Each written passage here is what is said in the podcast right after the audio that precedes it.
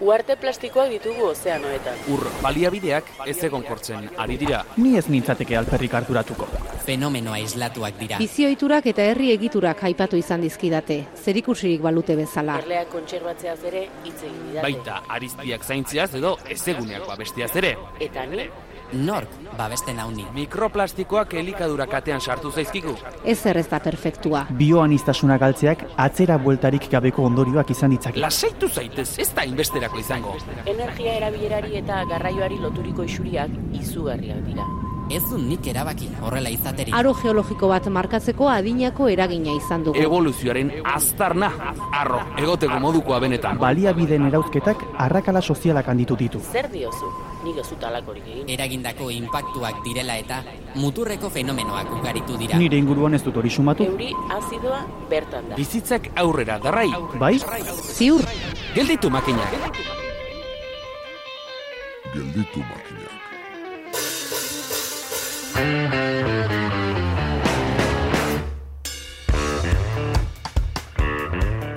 Diote edafologoak direla daudenetan ikarlarik tristeenak, beti baita biltza burumakur lurrera begira.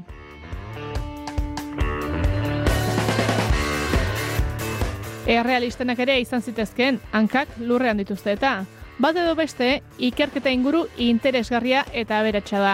Esaterako bazenekien lur planetako biodibertsitatearen laurdena lurrazpien dagoela eta jakina lurtzorua ez dago aldaketa ekologikoetatik eta giza eraginetatik bereizita. Beraz, naia gartzia bengoetxea ikerlaria gonbietu dugu lurtzoruaz hitz egiteko.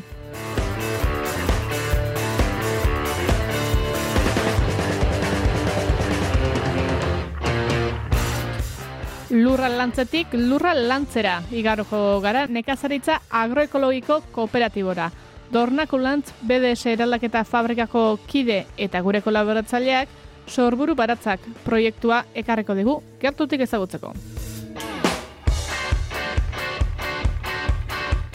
Ikerketa eta ekimen, zur eta lur geratu baietz, gelditu makineak saioko laugarren denboraldiko bederatzigarren atalean.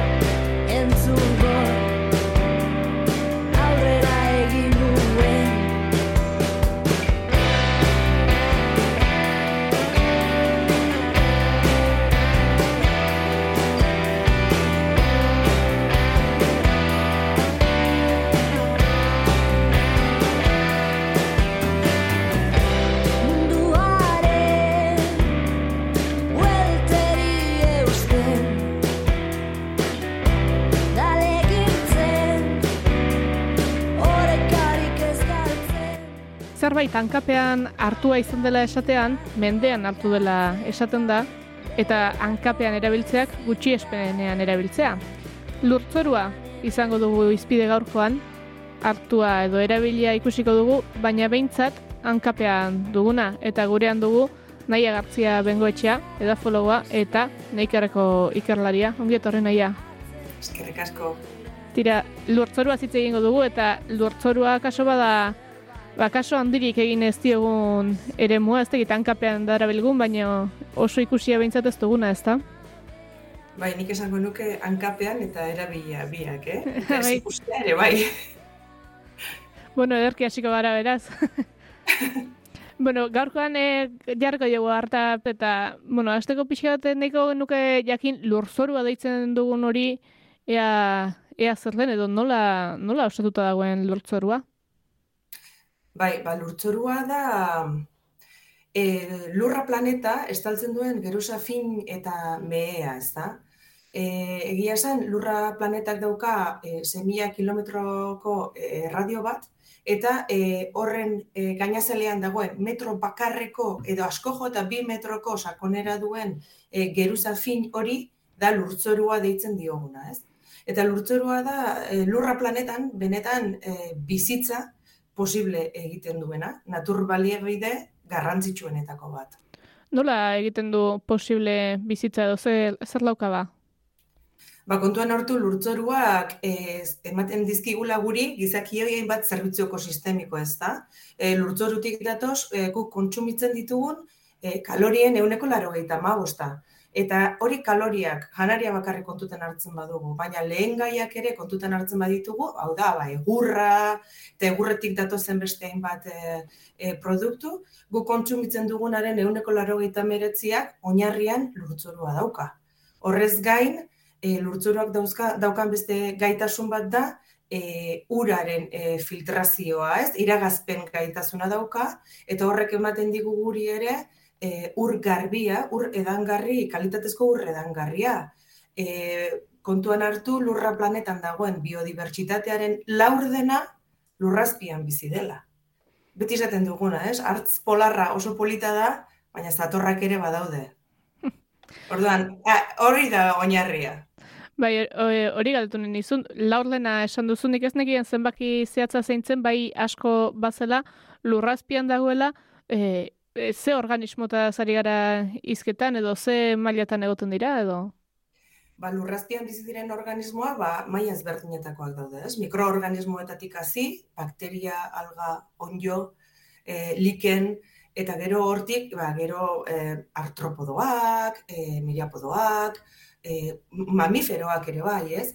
E, azken finean hor katea trofiko osoa dago, eta denek lan egin behar dute, sistema horrek e, ondo funtziona desan, osasuntzu e, egon dadin, eta gero horrek, be, gero berak e, zerbitzu ekosistemiko guztiak e, ganoraz e, bete ditzan.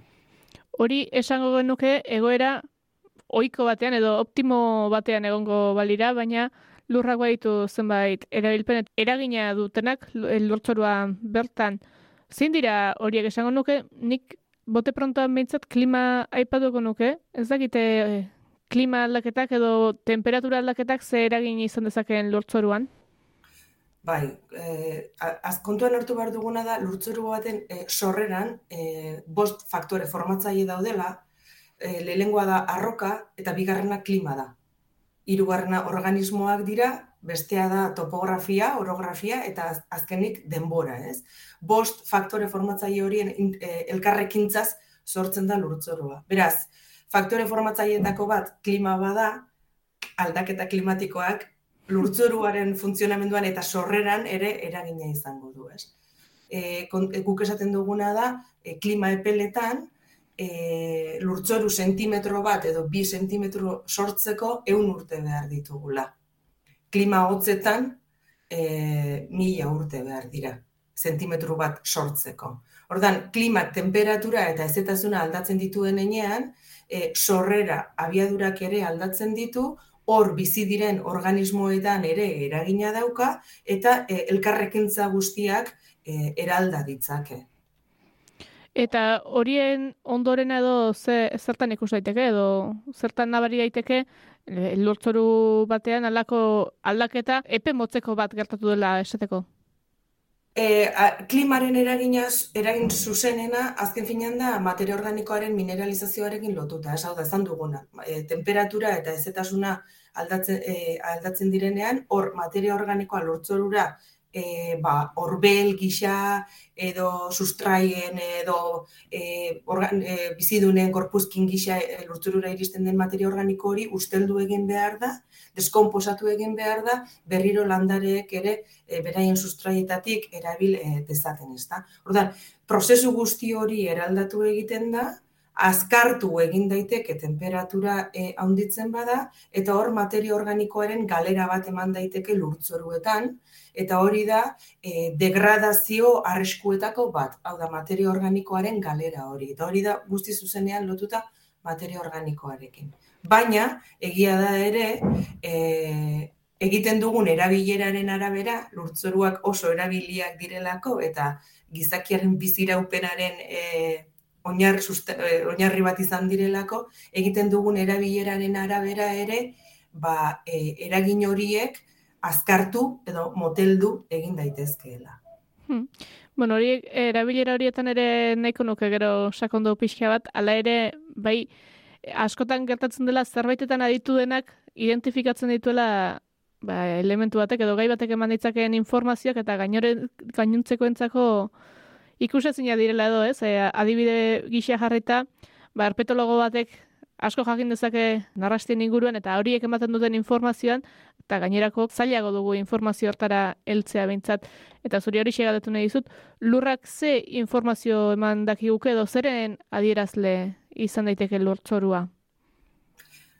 Ba, bu, lurtzoruak ah, informazio asko ematen du, ez? Guk eh, normalean egiten duguna lurtzoru bat ikastera joaten garenean, izaten da e, lurtzuruan zulo bat zabaltzen dugu, kalikata deitzen dioguna, eta metro, gutxi gora bera metro bateko lurtzurua, edo sakonagoa lurtzuruaren arabera, eta e, zuloan bertan sartzen gara, eta e, lurtzurua begiratzen dugu, ez?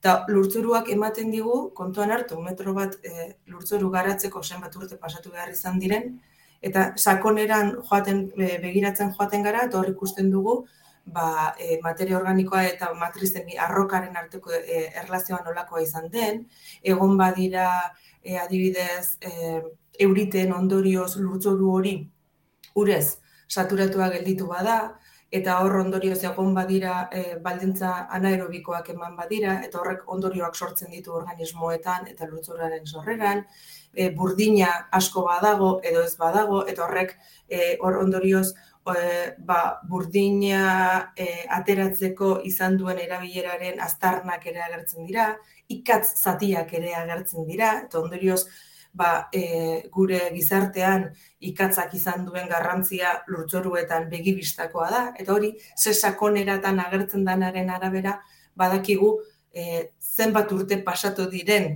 ikatza egiteari utzi genionetik, hainbat e, informazio ematen digu lurtzuru baten profilak, bai. Berez, e, jakin dezakezue, garai, bueno, industria garaiaketan nola aldatu diren lurtzoriari begira, edo zein lurtzorutan antzematen da hori? Ez edo zeinetan. Ze azken finean lurtzoru guztiak ez dira berdin erabili. Mhm. Orduan, alderdi non zaudenaren arabera, e, eragin batzuk ikusten dituzu eta beste batzuk ez, hori holanda. Abeltzantza, nekazaritza, Eta lur osasuntxu bat zeri deituko genioke, edo lurtzoru bat osasuntxu dagoela zeri esango litzaioke? lurtzoru osas- osasuntsu bat izango da beti ere bere funtziona, funtzionatzeko gaitasuen, gaitasuna duena. Hau da, zerbitzu ekosistemikoa, ez, ekosistemiko guztiak ondo burutzeko gai dena. Bere iragazpen papera, bio, oso biodibertsoa dena, materia organikoaren zikloa eta berziklapena ondo egiten duena, e, zerbitzu ekosistemiko guztiak bete behar ditu eta funtzionatu behar du ondo. Ondo funtzionatzearen kontrakoa aldiz, erliporlikoa hartuko dugu.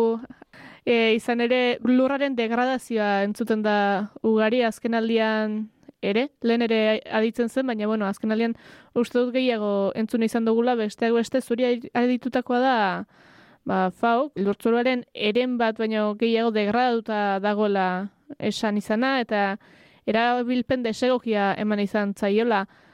Zeren ondorio izan da hori, edo nola, nola iristen da hortara?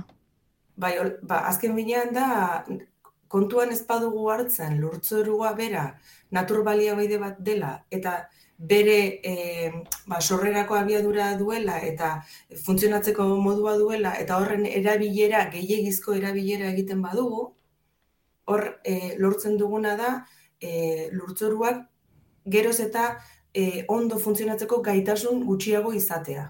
Eta gutxinaka gutxinaka joaten da funtzionamendu hori iragazteko gaitasun txikiago izatea, materia organikoaren galera, materia organikoa galtzen dugun enean, lurtzoruak e, egonkortasuna galtzen du eta ondorioz igadura arriskua ere handitu egiten da, igadura handitzen den enean erreketara iristen baldin bada lurtzoru hori errekak ere kutsatzen ditugu eta horrekin batera e, urredangarriak, e, erabilpena, lurtzoraren erabilpena, orokorrean gizakiok egiten dugun erabilpena desegokia denean, lurtzoru hori degradatzen joaten da gutxinaka gutxinaka.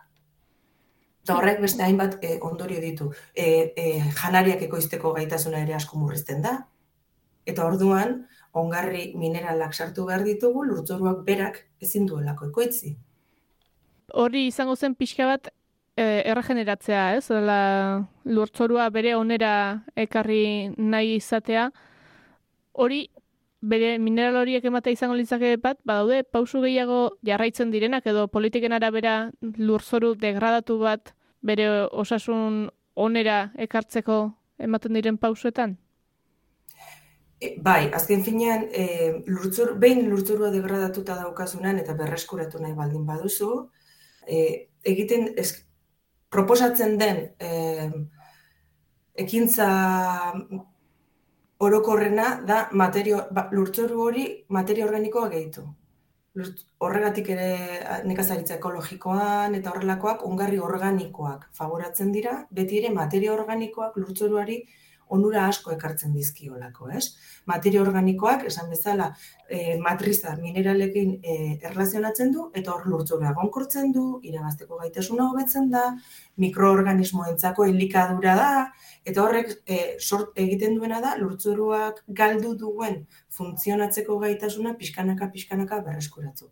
Ordan, lurtzorua e, nekazal lurrei begira gabiltzanean behintzat, materia organikoa gehitzea izaten da e, ekintzarik nabarmenena, eta baso lurtzoruetan e, proposatzen dena izaten da lurtzorua ez soiltzea.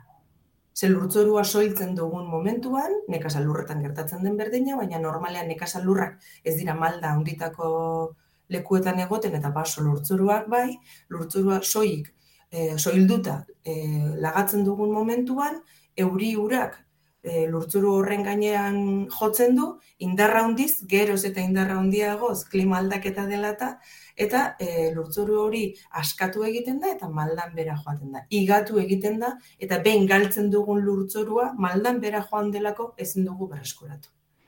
Orduan, proposatzen dena da lurtzura soilduta ez lagatzea. Azken urtetan ere izan dira, hainbat lurrera iste kasu edo erosio kasu, horrek lurtzoru batean lehen aipatu dugu oso denbora tarte handia behar dela zentimetro bat lurtzoru sortzeko klima epelean, beti ere. Mhm. Beraz, horren galderak eh, esan nahi handia dauka lurtzoruan. Bai, oso. Esan, nahi, behin, esan dakoa, behin galtzen duzun lurtzorua, igadura dela eta behin galtzen duzun lurtzorua ezin duzu berreskuratu.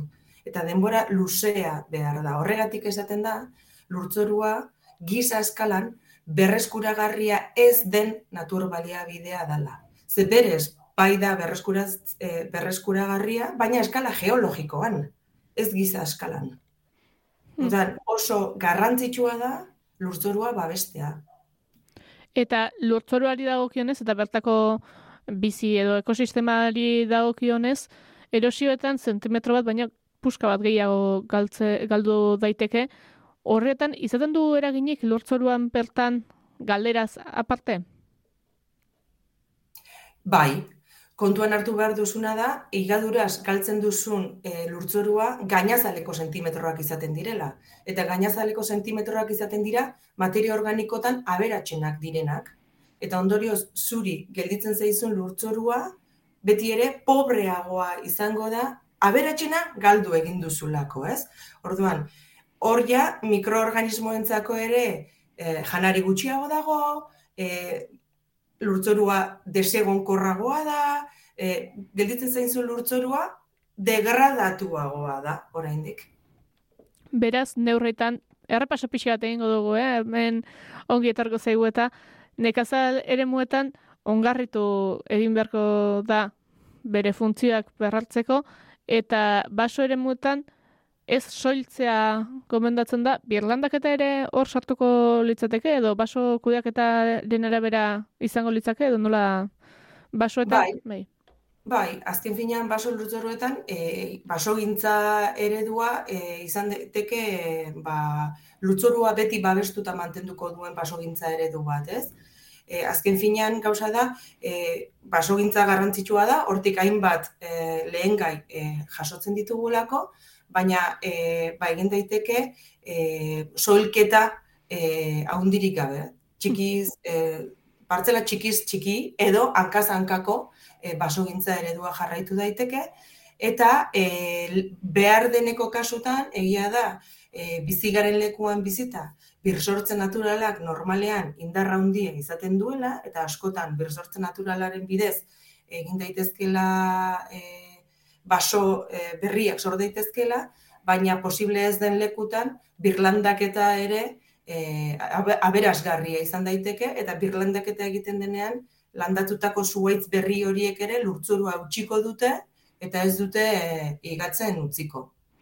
Ari gara, hiru adar zabaldu daitezke, bi zabaldu ditugu orain artean, bai, nekazaritza lurrak eta besteak baso lurrak, bai eta agian lurtzorua presenteen edo presentzia gehien duen eremuak, eta hirugarren bat izan daiteke ba, antropizatutako guneak, ez? E, azkenean, hiri bat hartuko badugu eta asfaltoz beteta balin badago ere hor lurtzoru bat badagoelako. Horietan egiten dira ikerketarik edo horietan nola lantzen da lurtzorua? Bai, e, posten naiz gainera gai hau atera duzula, ze e, orain arte landa eremuan egon gara, ez da? Ba, nekazal lurretan eta baso lurtzoruetan, baina e, gizakiok ere e, parte hartzen dugu ekosistema horretan, eta guk egiten duguna da, e, guri komunizaigun lekuta lurtzorua a, ba, e, estaldu, betirako. Osa, gaur, igatzen dugun lurra galtzen baldin bada, ba, hormigonean zen duguna, are gehi- gehiago, hor ja ez dago ezer.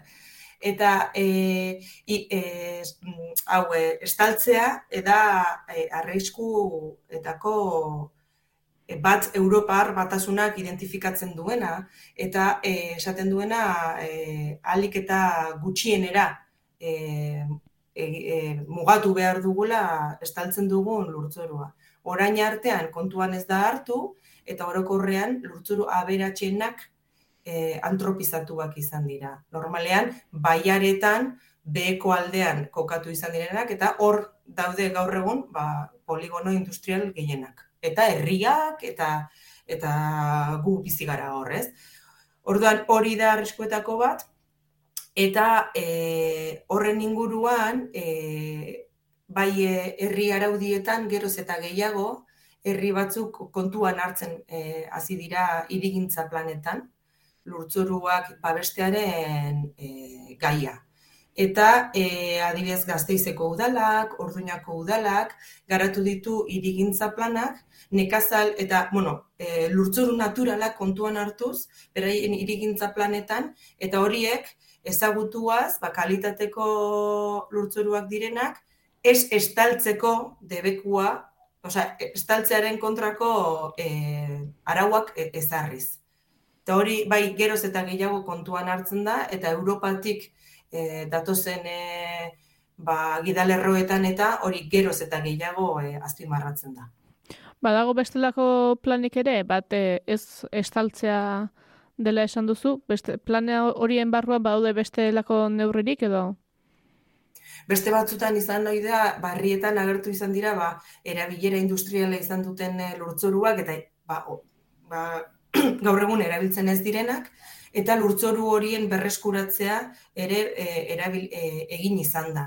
Horre, remediazio prozesua, kutsa, e, kutsatxai- kutsatzaileak lurtzoru horietatik e, erauzteko e, ba, landareak erabili izan ohi dira, fitorremediazioa ditzen di, e, diogun teknikak adibidez, horiek berriro ere ba, funtzionamenduan eta e, ba, naturalizazio prozesuan jartzearen e, ekintzak ere e, egin izan dira. Bai.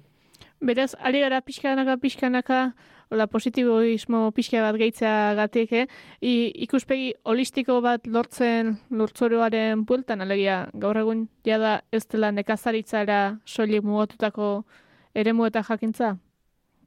Bai, nik uste dut baietz. Eta azken finean, geroz eta e, gizartean, geroz eta e, urbanizatuagoak garen e, gizarte honetan, naturak gure gain duen eraginaz eta garrantziaz, geroz eta konstienteagoa garela nik uste dut, ez? Eta osasun bakarra deritzogun e, inguru honetan, ba, e, natura bere hortan eta lurtzorua parte izan da, ba, e, zuk esan duzu moduan ikuspuntu holistiko batetatik begiratu behar dugu eta denok denak kontutan hartu behar dugu eta e, oreka batean bizi.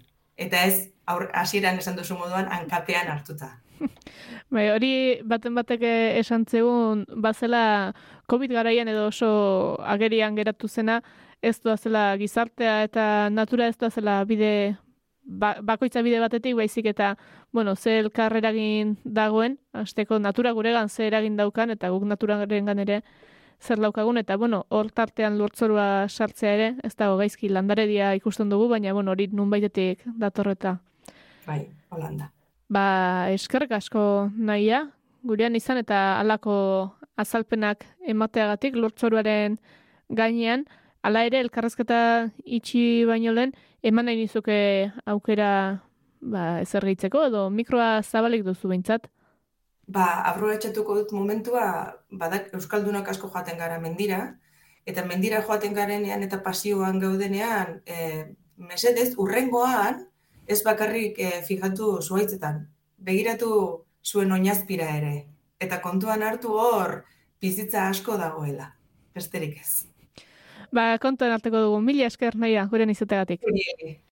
Gelditu makinak, naiz irratian, elipagolarekin. Lurraren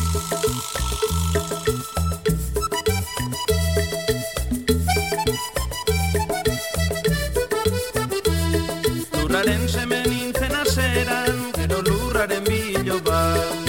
Lurraren lagun bihurtu nintzen, eta pasatzen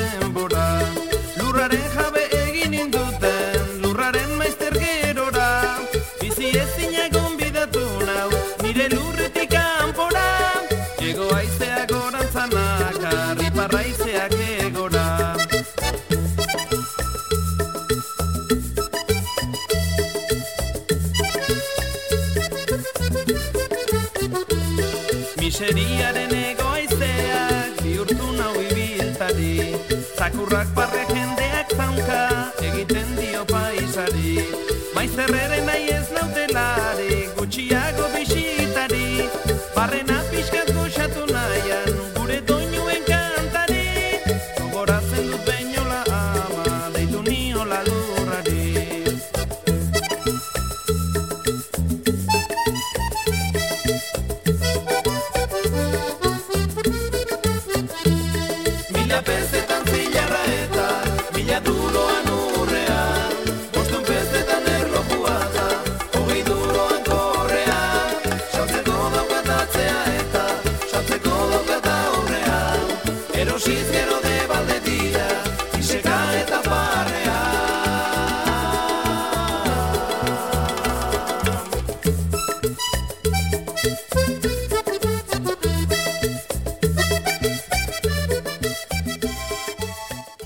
Lurtzoruan dagoen bizitza zabalaren berri izan ondoren, ea beste begi batzuekin begira dezakegun, gainera nahiak azaldu bezala zentimetro bat lurtzoru osatzeko eun urte behar badira, ba gutxienekoa da babesteko eta ez erosionatzeko neurriak hartzea.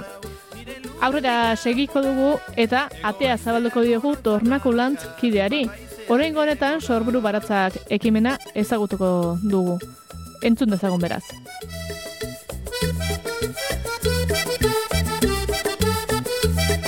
Mila pezetan zilarra eta mila duroan urrean Bostun pezetan Ba, gaurko kolaborazioan e, lai aldizkaria izpide hartuta betiko moduan. E, gaurkoan sorburu baratzako aritzekin bilduko gara, dakizuten bezala garai batean e, oso modan jarri zen e, saskien sistema, barazki saskien sistema eta taldeko baratzak kudeaketa ereduak e, ereduarekin jarraitzen du sorburu baratzak ondarribin eta eta bueno, ba holako eredu hauen e, jarraitzaile eta eta hori ba langile fina dugu e, aritz leku ona kaixo aritz Haupa, kaixo, mila esker. Ha, zuri etortzegatik. Eta bueno, beti bezala lehenbiziko galdera pixkatola orokorragoa izango da, baina zegatik, zegatik eh, barazkiakola egin edo zegatik ez erosi zuzenan superrean, supermerkatuan, zegatik ez, zegatik hau lan hau guzti hartu, ez? Ah, bai, bueno, ba, a ver, arrazoi ezberdinak eh, daude, ez? Osea, ba, segun eta ze pertsona, ze partaide, ba, bakoitzak arrazoi ezberdinak ditu, baina alde batetik daukagu, eh, ba, pizkate jende gehienak biltzen da gure proiektura, ba, eh, ba, gure elikadura sistemaren edo gure elikadurak e, ko, elikadura ekoizteko moduaren inguruan ba, kontzientzia bat hartu duelako eta honek dituen impactuen inguruan eta ba, nahiago du ba, mm, beste modua ba, ahorro ekologiko batean edo ekologiko batean ba, e, bere e, elikagaiak ba, gertutik ekoiztea izatea, ez? Hori alde batetik.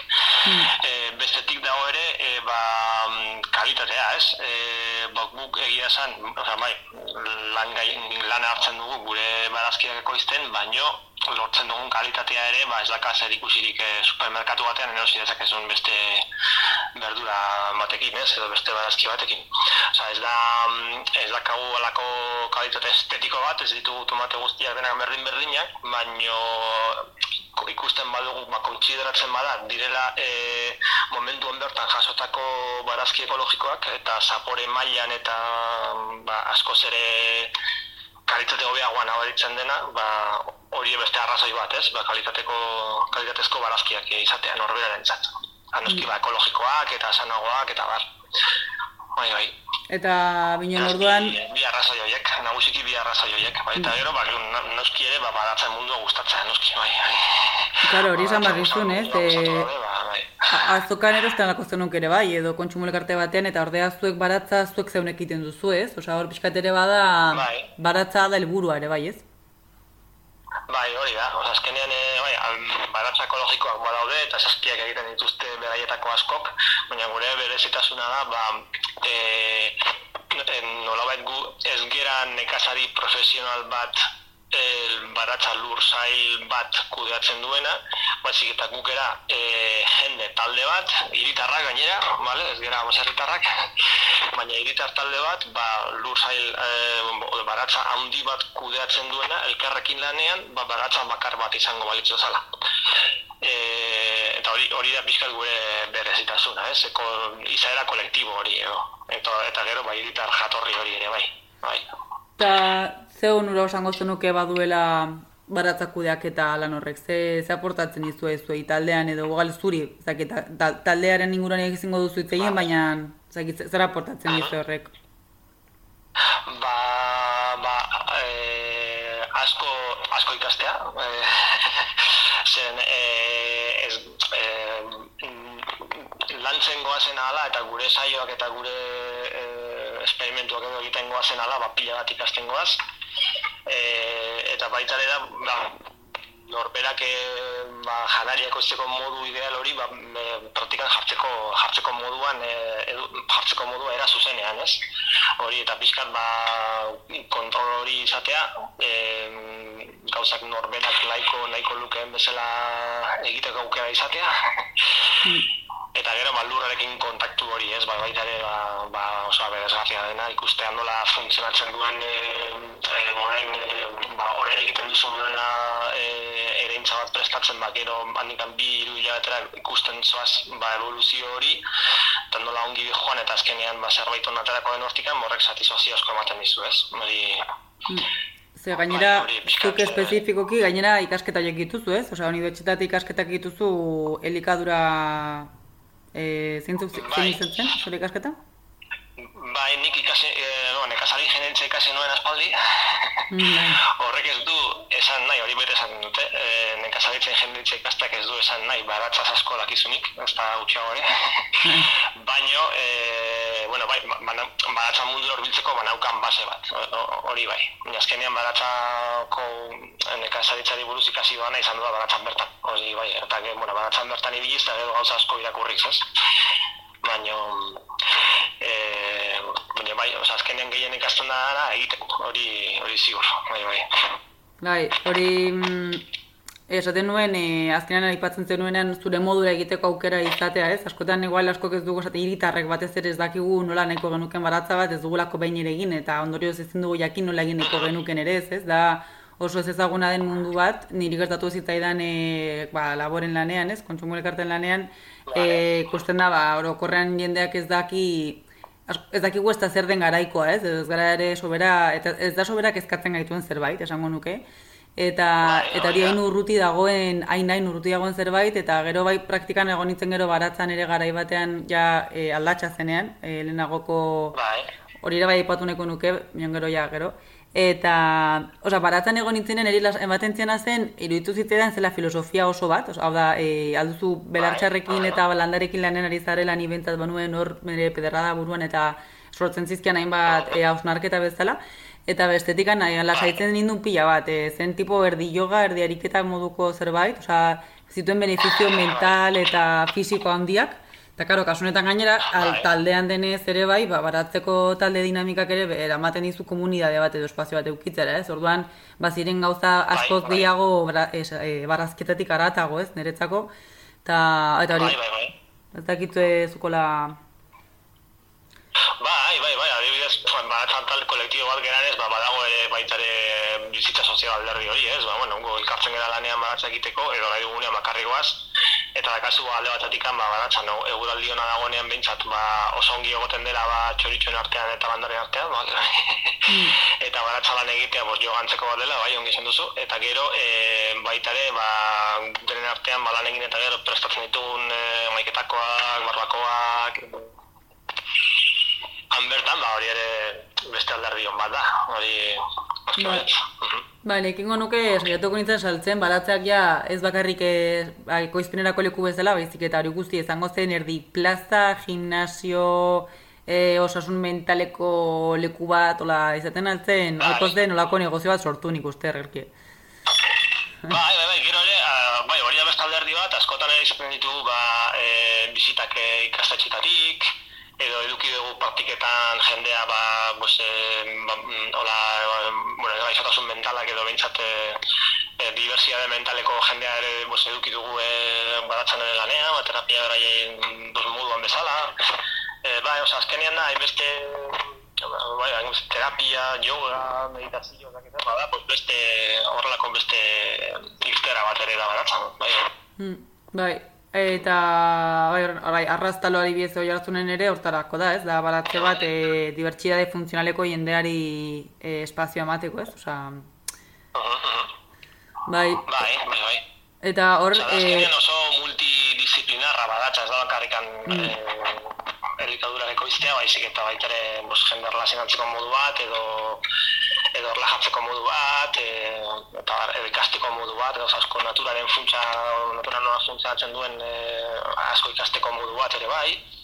Mm. E, bueno, guk ezin dugu nola, gai, gai kimikorik eta ez dugun erabiltzen, e, ba, be, be, be, ba, lurra bera zaintzen ibili behar dugu, e, belartxarren edo barazkiloen dinamika, bueno, ba, ez desfasatzeko ba, baita ere beraien zikloak ulertu, eta bueno, hori hori guztia, bai, bai, eta esan duzu hori nola jen, e, jendea zeurrun dagoen elikadura ekoizteko e, modutatik, eta hori bazkenean ba, distantzia hori hainbeste handitzea, eta jakituri hori galtzea, ba, esperientziari galtzea, bada baita ere pobrezia modu bat, ez? Eta nola ba, aktibitate bat, dena bai ekonomikoa bai e, beste alde askotatik funtsezko ere bai, dela elikagaiak ekoiztea, ba ze eh, osea, izan daiteke agian zegoe, em, aktivitate ekonomiko garrantzitsuenetako bat, baino ze gutxi prestigiatua dagoen eta ze urrun gauden beraren gandik, ez, da karo, horrek ero ditu ondori batzuk, eta bueno, ba, Hmm. Bai, kultura ondareaz hitz egiten denean askotan hitz egiten dugu kultura ondare musikalaz edo dantza folklorikoaz, binoen baratza ere dago ere kulturan parte, ez, esaten duzuna hori galtzen ari gara eta eta esango nuke galdua dagoela, ez, Bai, egin handi batean. Ba, eta ba, Euskal Herrian ba, janariako zelakin jendea dela porcentaje oso txiki bat, batez ere Gipuzkoan eta Bizkaian, baino e, egunen batean e, pues, baliteke e, hori txarra izatea, hain jende gutxi jakit, jakitea elikagaiak egon ekoizten. Hori, bai, bai. Baina gero, esaten genuen, e, baratzak ematen zizkian hausnarketa filosofiko hiek ez batzutan sentitzen nintzen pixka bat tipo e, Buda edo tipo e, mm, e, ditugun ipuin txinata, txinatarrauen moralejak eta olako, olako baten protagonista bezala bakizu, e, ari nintzen hor belartxarrak kentzen eta eta esaten duzu, ostia, eske praktikan zenbat, e, osea, pazientziaren ariketa praktiko bat guztiz, ez, belartxarrak kentzearena, ez, edo e, garaian garaikoak esaten dizu, ba, beti ez daitekela nahi duzun hori ez, osea, bere gauza bakoitzak bere momentua du. Eta, eta horrela da, eta punto, ez? Edo neguan lurra izoztuta zegoenan ezin zinu lanik egin lurra izoztua zegoelako. Eta lanik bar duzu, ba, peskat zure, baldintza, e, zure baldintzen arabera, ez? Ezin duzu, ez da zu bakarrikan, ez du denak zutaz dependitzen, baizik eta zara zu eta zure ingurua, ez? Eta holako pila bat egia esan. Eta, eta ben baten da aldu pixkat hori utopikoa edo, baina benetan gonbidatzen duela, gonbidatu baino kasi behatzen zaitu batzutan egotera jarrera filosofiko horietan, ez? Ah, bai, bai, bai, bai, hori da. Bueno, baina ez dago meditazio bakarrik, eh, osea, baita ere da, nik ez dut ere, ba, baratza badela ere crossfit eta gimnasia. Bai, bai. Os buskotan grazia egiten di jendea, ba, diru ordaintzen gimnasio batera joteko, eta gero, pues, eta gero esatean, nahi duzu gimnasia, etor- etorri baratza, guk emango gimnasia. Bai, bai. Bai, bai, bai, hori, atitzen itzen ekatua gorputza eta burua bi gauzak. E, gasi mendira joan da, edo beste dozen kirole eginda, baina lasaiago atitzen nintzen askotan baratzetik. E, Bai, eta gero ba- batera ere ondakin rezikladore nahiko majoak ere, bai? Osea, guk azkenean kon, kon, kontsumitzen ditugu urtean, e, pues, amabi amairutunako kamioi bat urtean, e, komposta. bai, Eta, bueno, horrek ere laguntzen du ekonomia zirkularran, ez? Hori hain, hain moda dagona, ba, gu ekonomia zirkularra gara ere, bai. claro, hori... Pues, ongarri organiko pila kontsumitzen dugu, urtero, urtero. Hmm, bai, hori da, ekoizpen ekologikoan e, oinarritzen zaretelako ere, ez? Bai, hori da, hori da, azkenen guk ongarri, eh, ongarri organikoak dakate kimikoek, baina konzentrazio bastante txikiagoa, eta orduan, eh, karo, ka, mm, eh, asko zetona gehiago mugitu behar dira, eh, on, ongarri estatxe maila behar lortzeko ez, eta orduan, bai, bai, on, komposta eta kontsumitzen dugu pila bat, ximorro eta komposta. Hori ere bai bada neko, osea, filosofo, filosofikoki ere hartu ziteken zerbait, bueno, dena dependez, baina bai, osea, izaera zikliko hori berreskuratzearena, ze garrantzitsua baita, ez? Hori da, bai, eta gero ere, e, ba, elikagaien inflazioa hainbeste entzun dugun azken urtean, ba, guk nola ez dugun, kanpotik e, horrela em, gasoli kontsumitzen, edo ongarri kimikorik ekartzen kanpotik, edo horrelako eserre, ba, guk, guk e, adibidez guk e, fi- inflazioa ondu den epoko hontan ez ditugu prezioak mugitu, zer gure kostuak ere dira mugitu. Bai, hori ja dagoeneko Europar batasunetik hitz egiten da elikadura segurtasuna, hitz egiten dena ekoizpen ekologikoaz. Bai, hori da, hori da. Bai, Azkenean gure modelo dela askoz ere resilienteagoa, edo, osagian ez da orain bertan errentagarriago, baina resilienteago, bai hori guzti ziur. Bai, bai. ba, eta baratzaren kulturan ez baita ipatu izan dugu, e, nola esaten zenun, ba, nola burutan e, baratze urbanoak, ez? Baratze urbanoen beharra eta eta hori sustatzeko ideia burutan eduki duzu ere, bai, ez? Bai, hori, da, hori dakate nik pertsona, jola urrengo paja mentala bezala, ba, e, azkenean nola jendea hirietan bizi den, eta e, hirietan, ba, bueno, ba, gipuzkoan behintzat, e, lur, gara, Casa lur gutxi horiek ba, tapatu ditugu hiriekin eta poligono industrialekin, ez? Baino e, zorionez posilea da mm, asfalta zegoen tokien ba, gainean lur eta komposta jarri eta berriro e, hori landare ekoizpen eremu bat bihurtzea hori posiblea da. Eta bueno, eta hiriak gainera ba, e, olako sinergia asko sortzeko aukera eskaintzen du, ez? Ola, pues, hain erabilita dauden espazio asko, estetikoki ere oso polita gaiatu daiteke, e, bueno, e, kontsumitzaileak ja bertan bertan dituzu, osea, ja etzen izango kilometro zero, baizik eta metro zero, bueno, hori, Ja. Orduan nik uste badaka dagoela potentziala handi bat landare ekoizpena hirien egiteko, ere, bai. Bai, bai. Eta aipatzen genuen baratze kultura guzti hori, ez? Esaten nintzen hasieran posible izango zen ere, eh, espe, orain arte, lehen, lehen, nire gur- aitaren haurtzaroan, denek zuten baratze txiki bat, eta eta ohikoena zen bakoitzak bere baratze ukitzea, eta gero egia esan duela irurogei, azkeneko irurogei urtetan, ere eta kitu irurogeita bost urte, edo irurogeita, zaz, no sé, irurogeita pik urte, ba, ba nire aitaren bizitza ez da sobera, ez? Osea, nekazaritzaren aldaketa eta kultura da galera izan da oso oso, oso azkarra eta dula oso gutxi izan den zerbait eta eta hori esan duena lehen denan etxe guztietan bazen zerbait zen eta kultura parte kulturan parte zen, ez? Eta e, Bai, Eta esaten duzun baratze urbano horiek ere modu batean ere berreskuratuko lukete hori ez, denek eh, gure baratza ukitzeko hori ez, e, kultura, jarrera eta bai azkenan koesioa eragiten alduelako ere ez, nola bata besteakin, ba, Bai, bai, zuk bai. zer duzu baratzan ikuta zuk zer e, zehazi dituzu, ze ze moduz duan dire tomateak, hori da oso itura, oso elkarrizketa goikoa ez, la baratze inguruan. Bai, bai, bai. bai, bai, bai, bai. Eta, em, eh, jo, esan barren.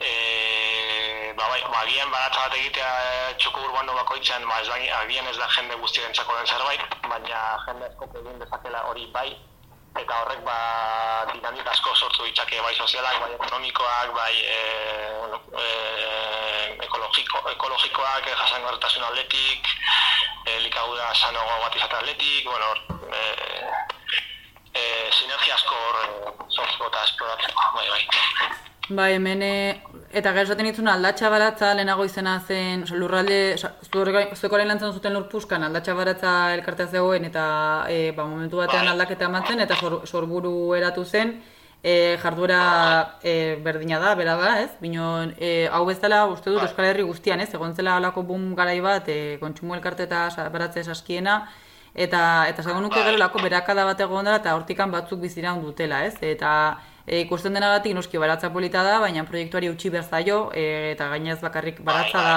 kolektiboa dela eta taldean badakigu dena dela zailagoa.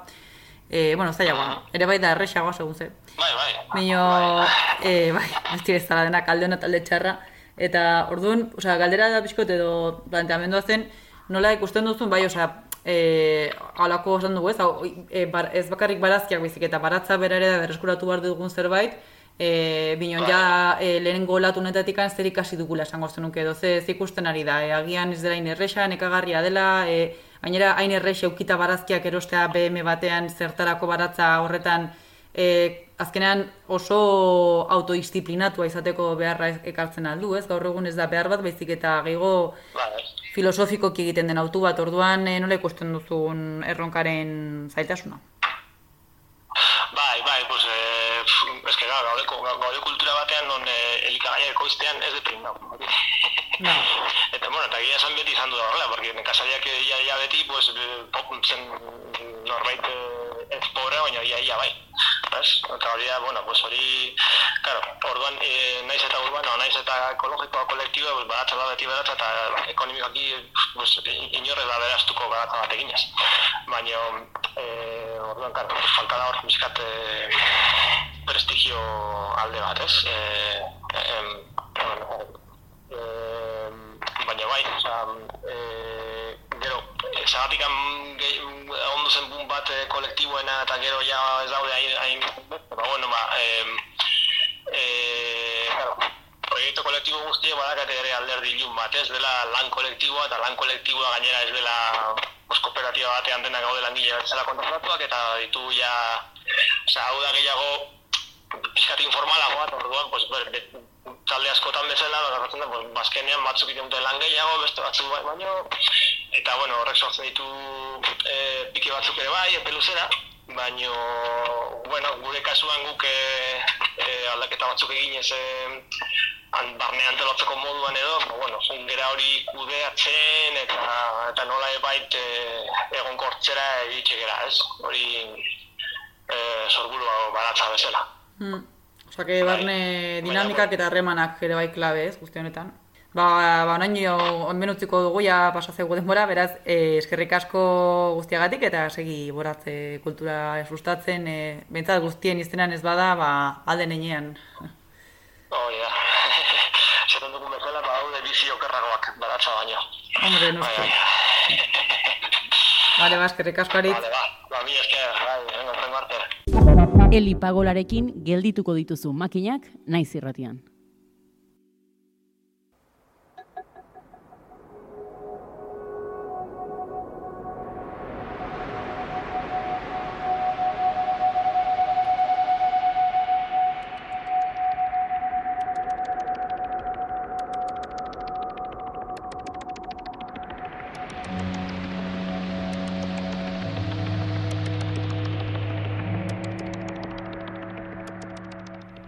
Tira, bat eta beste iritsi gara saioaren amaierara eta gaurko izketagaiarekin bat, eman diezaiegun lur denboraldi honetako bederatzigarren atalari.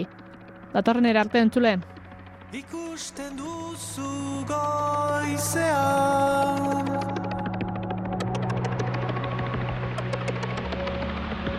Argia hasten denean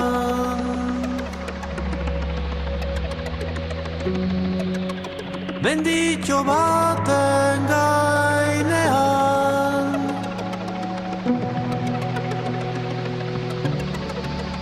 Menditxo baten gainean